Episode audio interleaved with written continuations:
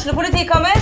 Ine Jansen er purk. Er du purk? The motherfucking bitch. Alt jeg vil, er å finne ut hva som skjedde med mannen min. Jon Carew. Er jeg sikta for noe? Iben Akeli. Det er du. Ole So, Lars Berrum og Big Daddy Karsten. Hvem sin side er du på, egentlig? Anette Hoff, Tone Danielsen, Kommer du fra Afrika?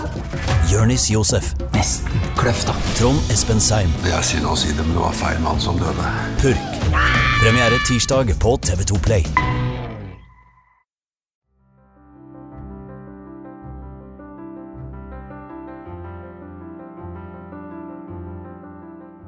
I dagens episode forteller Marit Lura helt ærlig om hennes opplevelse med dypinfiltrert endometriose på tarm og adenomyose.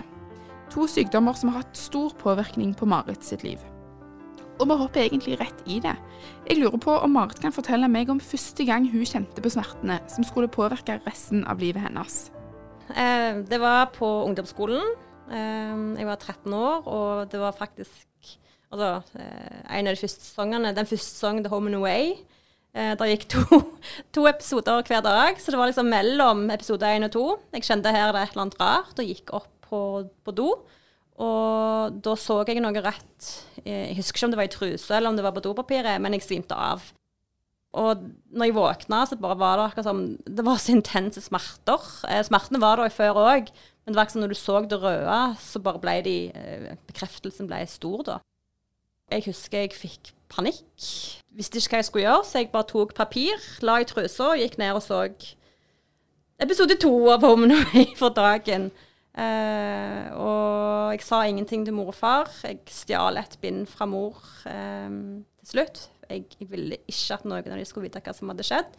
Eh, men sum summaren, jeg hadde helt intense smerter, både i magen og korsryggen, og jeg ble faktisk syk.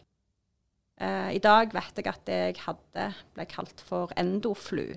Eh, og det er jo at du får influensalignende symptomer. Du får høy feber. Du har jo mensensmertene, men, men du, du, får influensa, rett og slett. Mm. Eh, og gjennom ungdomsskolen så fikk jeg endoflu én gang i uka hver måned. Hvordan er det å gå på skolen og vite at hver måned så blir du syk? Det var jo veldig tøft fordi altså Det tok meg litt lang tid før jeg fortalte venninnen min at jeg hadde fått mensen. Og når jeg fortalte de, så sa jo de at de òg hadde mensensmerter, at det var normalt. Uh, så tenkte jeg OK, dette er normalt. Uh, og jeg trodde jo at det var normalt å ha det sånn som jeg hadde det. Men jeg husker jo Altså, det var jo ikke så ofte jeg var på skolen når jeg hadde mensen, for jeg hadde jo de ekstreme smertene da. Men når jeg var på skolen, så prøvde jeg vel egentlig bare å gjøre det beste. Eh, jeg begynte jo å poste mye om det sosiale medier når jeg fikk vite det. Og jeg fikk jo melding fra ei klasse med at den dag i dag så husker hun at jeg lå over pulten med den blå hettegenseren over hodet mitt. Uh, og hun vet jo nå at det var jeg som lå med mensensmerter, liksom. Så at jeg gikk på skole med for så mange år siden husker det, viser jo liksom at jeg, jeg har nok ligget en del på pulten i smerter og vridd meg, på en måte. Så det var tøft. Og de mensensmertene som du kjente på, hvordan var de Kan du beskrive hvordan det var i magen, og hvordan det var i ryggen? Ja, altså I ryggen husker jeg ennå, og det er det den dag i dag. Når, eh, når eggløsning begynner, liksom, og mensen kommer, det føles ut som du får en machete rett inn i ryggen som deler den i to.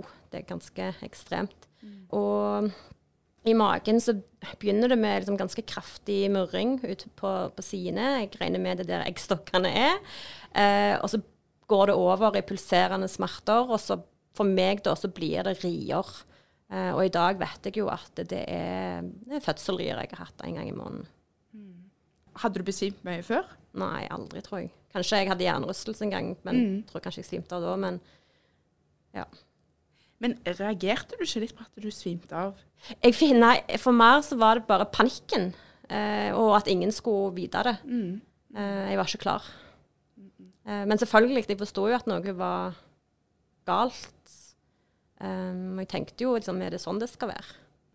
Men reagerte du noe på at dine mensensmerter var ganske mye verre enn eh, alle de andre sine? Nei, for jeg trodde jo det var sånn alle hadde det. altså, Jeg fikk jo bare beskjed om at, at, det var normalt å ha sterke smerter. Uh, det, var, det, var, sånn mensensmerter var.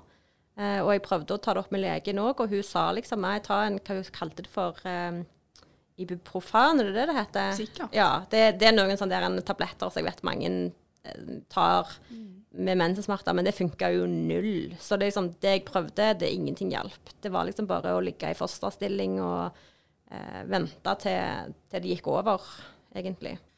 Når Marit gikk på ungdomsskolen, ble fraværet hennes ganske høyt, og spesielt én hendelse husker hun spesielt godt. Eh, Jeg kom hjem fra skolen, og mor sa liksom at eh, rektoren hadde ringt henne. Eh, de ville ha et møte med oss, eh, meg, med meg og mor da. Og hun sa at jeg tror det er pga. fraværet ditt. Eh, og vi tenkte det var jo logisk, for jeg hadde jo aldri hatt fravær før dette her. Og vi kom opp, vi satt med rektor, med læreren min og den strenge mattelæreren. Jeg forsto ikke helt hva hun var der for, men hun var der nå. Og de trodde jo at fraværet mitt var pga. at jeg tok stoff. Eh, og meg og mor var Vi bare så på hverandre. Vi, var, vi, var, vi ble helt paff. Eh, jeg har den dag i dag aldri rørt stoff utenom eh, altså hater pga. mensensmertene mine, men det gjorde reseptbelagte. Um, men vi, vi, vi var helt paff. Og mor tok virkelig en kamp for meg for at jeg skulle slippe å gå tiende klasse om igjen. For det var det som sto på, på fjøla.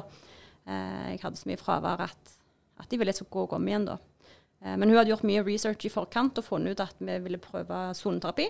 Eh, og det hjalp meg nok til at jeg klarte å komme meg på skolen. skolen.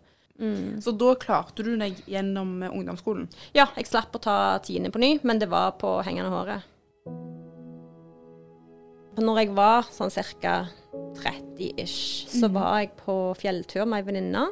Jeg vet jeg jobbet offshore da, for det var på dagtid. Og hun sa liksom bare 'Marit, jeg er sikker på at du har noe som heter endometriose'. Og jeg svarte 'endo-ho'.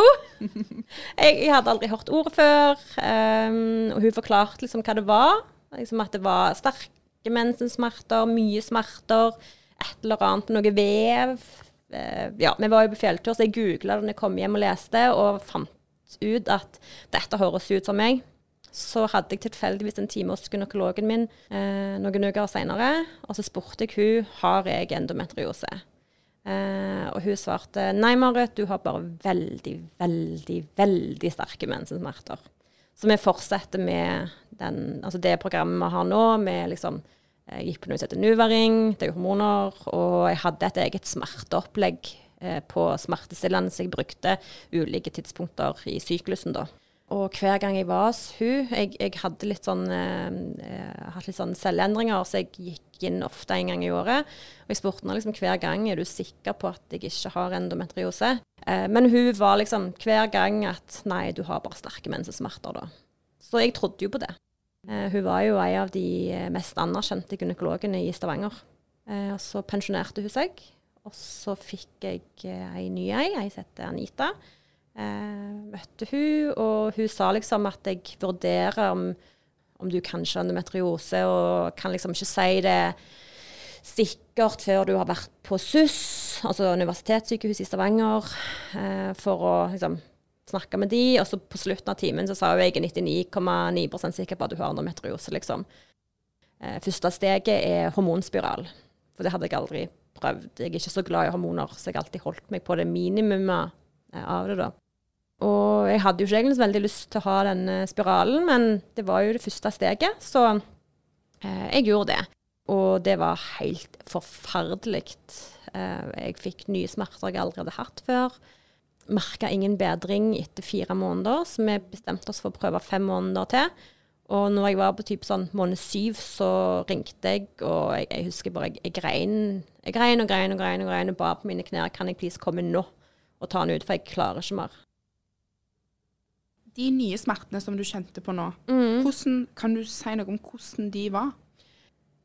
hvordan skal jeg forklare det? Jeg må bare tenke liksom, på smertebildet. For før så har jo smerten mine vært veldig mye eh, oppi tarmene. Hver gang jeg fikk eh, mensen, så fikk jeg liksom innvendig forstoppelse. Jeg svimte av på do. Det var jo normalen for meg. Um, og òg få disse her riene. Og det hadde jeg jo fortsatt, men det var noen nye smerter i selve underlivet. Det er jeg i dag da vet er bekkenbunnen, eh, som jeg ikke hadde hatt før. Og de var de var der alltid. De forsvant aldri. Ja, så når menstruasjonen var over, så hadde du de fremdeles Ja. gjennom syklusen. Ja. Eh, og liksom, og alt det her med at jeg var hos gynekolog, skjedde liksom rundt korona. For jeg ble verre rundt når korona brøt ut. Men jeg tenkte liksom Blir jeg påvirka psykisk av korona? Er det derfor jeg har mer utmattelse? Men det var jo ikke det. Det var jo at endometriosen min gikk fra, fra galen til galnere, på en måte. Eh, som gjorde at symptombildet mitt forverra seg drastisk, da. Det som er liksom normalen, er jo at de ofte tar en skikkelsoperasjon for å bekrefte om du har endometriose. Og det var det jeg trodde jeg skulle avtale med legen, da. Så sier han til meg eh, at eh, du har noe som heter dypinfiltrert endometriose på tarm. Vi kan ikke ta i deg her, eh, for det har vi ikke kunnskap til. Vi henviser deg til Ullevål. Eh, du må fjerne deler av tarmen din. Du får mest eh, sannsynligvis altså utlagt tarm. Og jeg, jeg satt helt paralysert. Jeg, jeg var så sjokka. Eh, og han sa vel at jeg hadde adenomyose òg, men jeg visste jo ikke hva det var engang. Så det sa meg ingenting. Og jeg fikk beskjed om jeg hadde et myom. Det er en slags muskelknute da, på størrelsen mellom en golfball eller en eh, aprikos som lå og preste på urinblæra mi.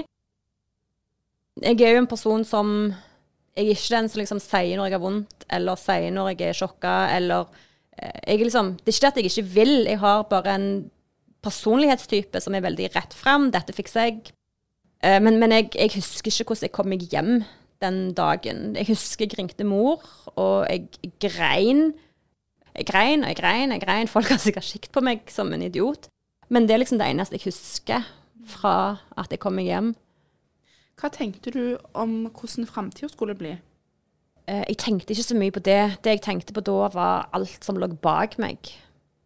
Legene som ikke har trodd på meg, alt jeg har vært gjennom, alle smertene jeg har hatt, alt unødvendige piss jeg har stått i alene. Eh, Alle kampene jeg har hatt for å komme meg på, på jobb, være på jobb. Ekstremt stort sinne. Spesielt sinne mot legen jeg hadde som barn og ungdom. Hadde det her blitt tatt tak i når jeg var ung, som det blir hos veldig mange i dag og så I snitt så tar det jo syv år å få diagnosen endometriose. Jeg brukte 25 år. 25 fuckings år! Og 26 år på adenomyose. Det skal ikke være sånt. Mister du tillit til Helse-Norge?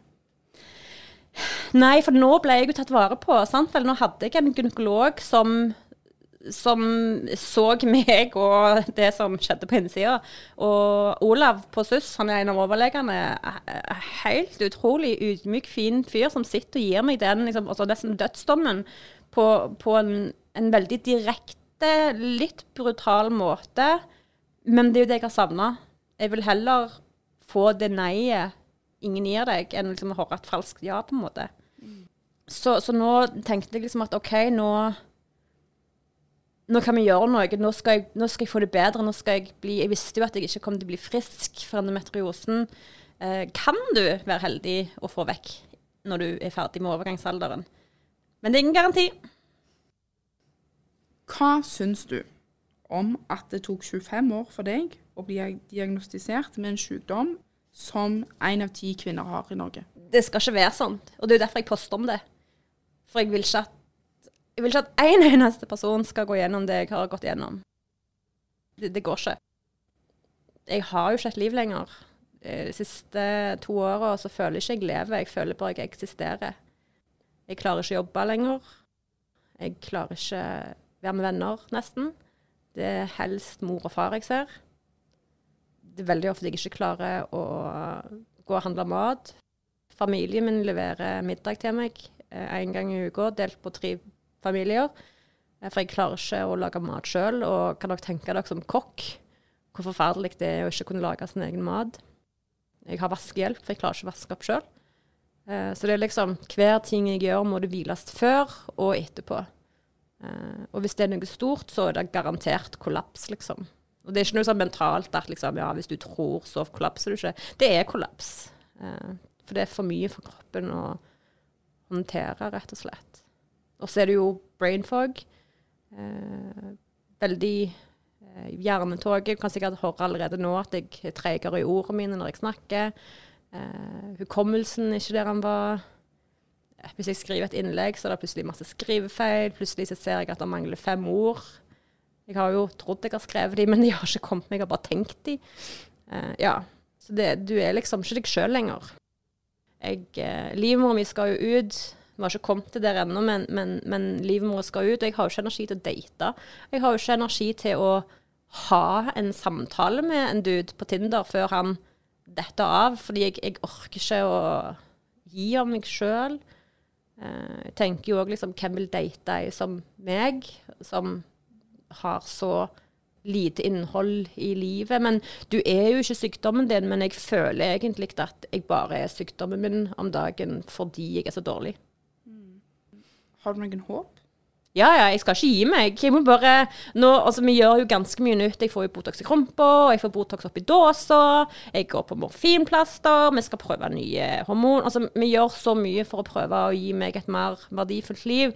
Så, og, og livmora mi vet jeg jo at pga. jeg har den, så er det jo selvtorturering, på en måte. Men jeg klarer ikke å gi slipp på den ennå. Jeg må møte en mann som vil ha barn fort. Mest sannsynlig så blir det IVF med en gang. Eh, og så prøve å få det barnet. Og jeg vet ikke om det går. Det kan være det går, men jeg, jeg må vite at jeg har prøvd. Og når jeg har prøvd og vel, fått det vellykka, eller prøvd og mislykka, da kan livmoren min gå ut. Hvor lenge etter eh, undersøkelsen på SUS er du på Ullevål? Og det var fort, men det var jo pga. alvorlighetsgraden min. Nå er det mye, altså, mye lengre ventetid hvis du skal inn til Ullevål nå, på en måte. Og operasjonen eh, altså Hun bekrefta jo alt de sa der, og sa liksom at mest sannsynlig så får, får du utlagt tarm. Eh, vi må fjerne Vi vet ikke helt hva tarmer vi må fjerne før vi er der. Jeg var veldig opp, og, og så sa de òg at livmoren din må ut. Så liksom for første gang i livet så kom jeg til en plass der jeg slipper å forklare noe. Jeg bare trodde jeg bare forstår alt. Jeg, jeg var i himmelen helsemessig. Hva betyr det? Åh, alt. Når du har liksom gått i 25 år og ikke blitt trodd, uh, og liksom trodd liksom Er det meg? Altså, er det bare jeg som er ei pyse? Altså uh, Og så har jeg jo egentlig vært liksom det tapreste av den tapreste med alt jeg har gått gjennom. Og liksom bare få den anerkjennelsen fra en av de flinkeste i hele Norge. Eh, det, det var ganske unikt. Og så hadde jeg òg mor med meg, og hun sa liksom at alt du har kommet sagt til oss de siste, de siste året, har vært veldig tøft å høre. Vi tenk, har tenkt det er veldig brutalt. Og jeg vil heller si at du har aldri overdrevet, du har heller underdrevet, sa mor. Og det òg var liksom så godt å ha hun med, for det, det er ikke alle som forstår meg. Men mor står liksom alltid ved siden av meg og liksom tar kampen for meg liksom på altså hvor syk jeg egentlig er. Eh, og det er liksom så godt at hun Mor vet alt. Uh, ja. Det er liksom det beste. Jeg vet jo det er tøft for mor òg. Liksom å se dattera si gå gjennom alt det her. Men hun er så full i empati, og hun liksom Jeg har alltid sagt både med mor og far at jeg har vunnet Foreldrelotteriet. Eh, de er liksom fantastiske. De er jo kjenninger av Sandnes begge to, så det var veldig mange som vet hvem de er, og vet hvor gode de er. Ehm, men det er liksom, jeg har jo ingen partner jeg kan ha med på det her. Men jeg har mor. Resten av familien min støtter meg, de òg. Altså, men hun er med meg hver gang jeg er til Ullevål. Hun var med meg på operasjonen. Hun var nesten den første Hun var vel den første jeg så når jeg våkna opp. Eh, jeg har jo kjempeoperasjonsangst, så de gjorde jo unntak med å la hun få lov å komme inn på oppvåkningen med meg. Altså veldig godt å ha liksom en person med som Ja. Det betyr, det betyr alt. Jeg liksom Alle skulle hatt ei som mor.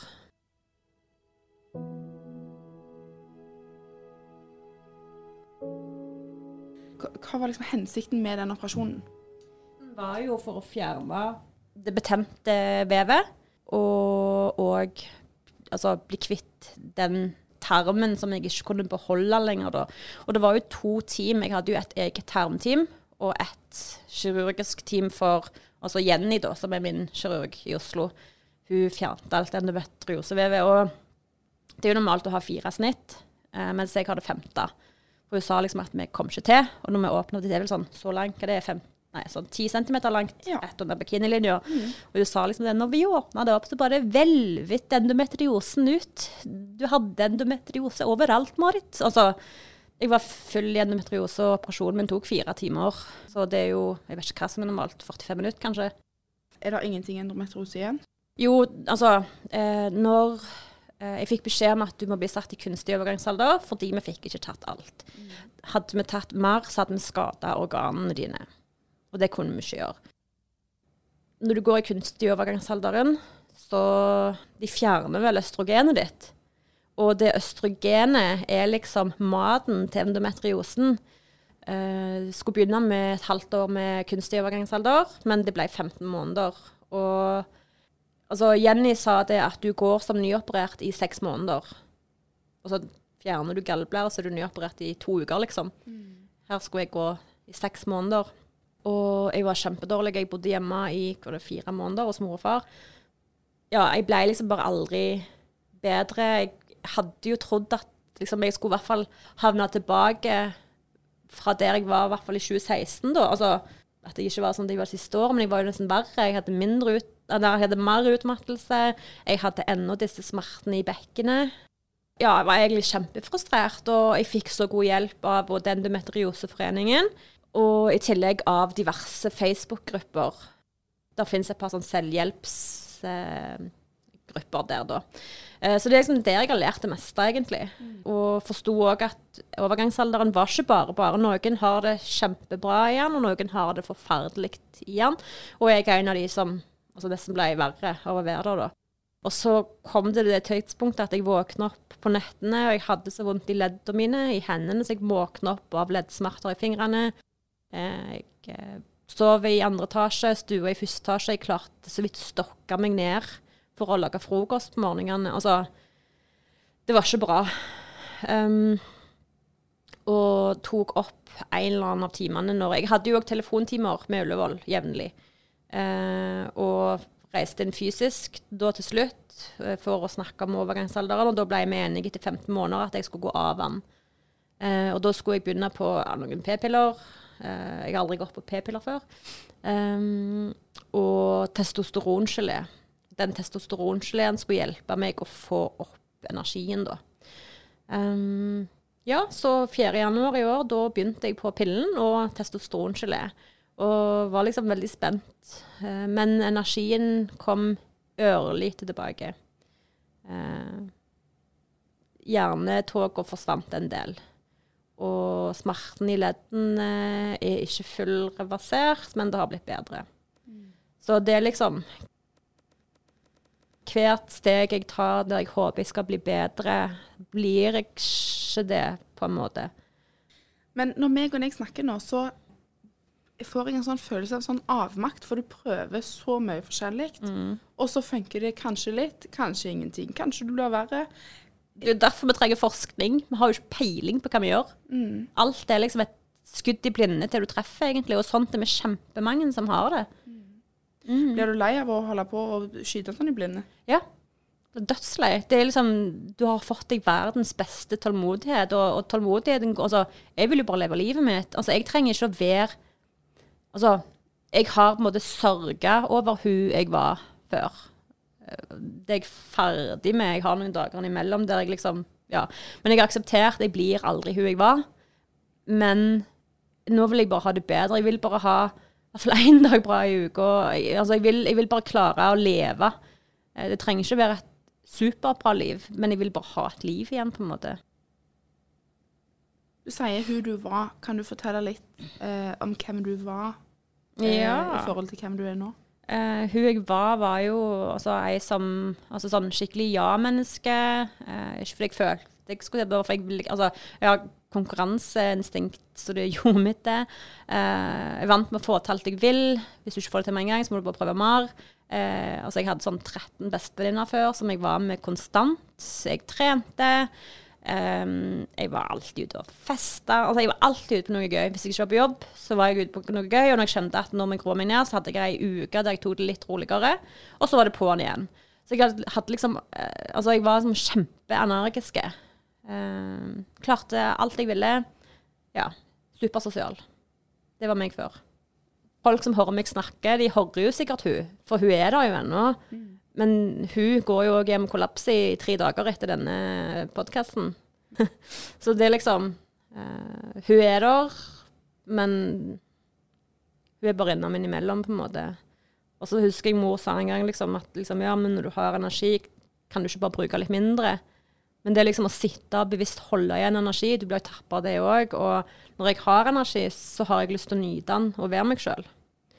Så den dagen jeg altså, Sånn som jeg er i dag, jeg er jo ennå meg sjøl, men jeg har akseptert at jeg kanskje eh, Jeg har ikke 13 bestevenner lenger. Uh, mye mindre. Og mange jeg har Jeg har ikke kutta det ut av livet, men, men jeg klarer ikke å, å ha så mange nære venninner. Og når jeg ser de andre, så er det kos, liksom. Jeg er jo glad i de ennå. Når vi snakker om dette, så blir jeg litt sånn paff, på en måte.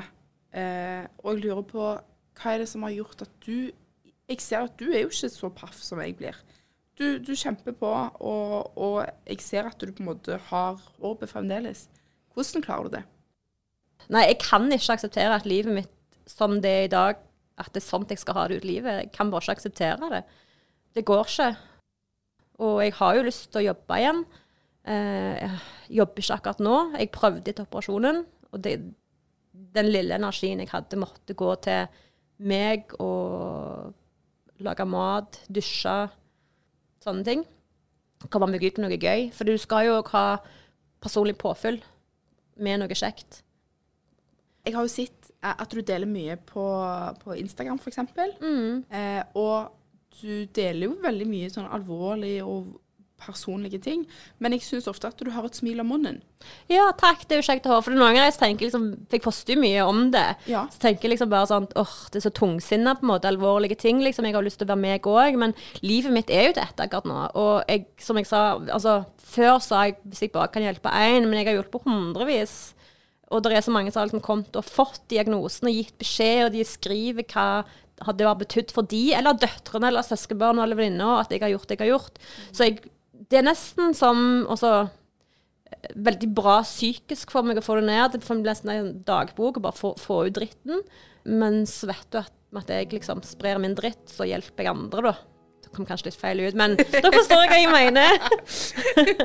så, så nei, det er kjempeviktig. Og jeg har jo lyst til å fortsette med det òg, da. Og hjelpe folk. Eh,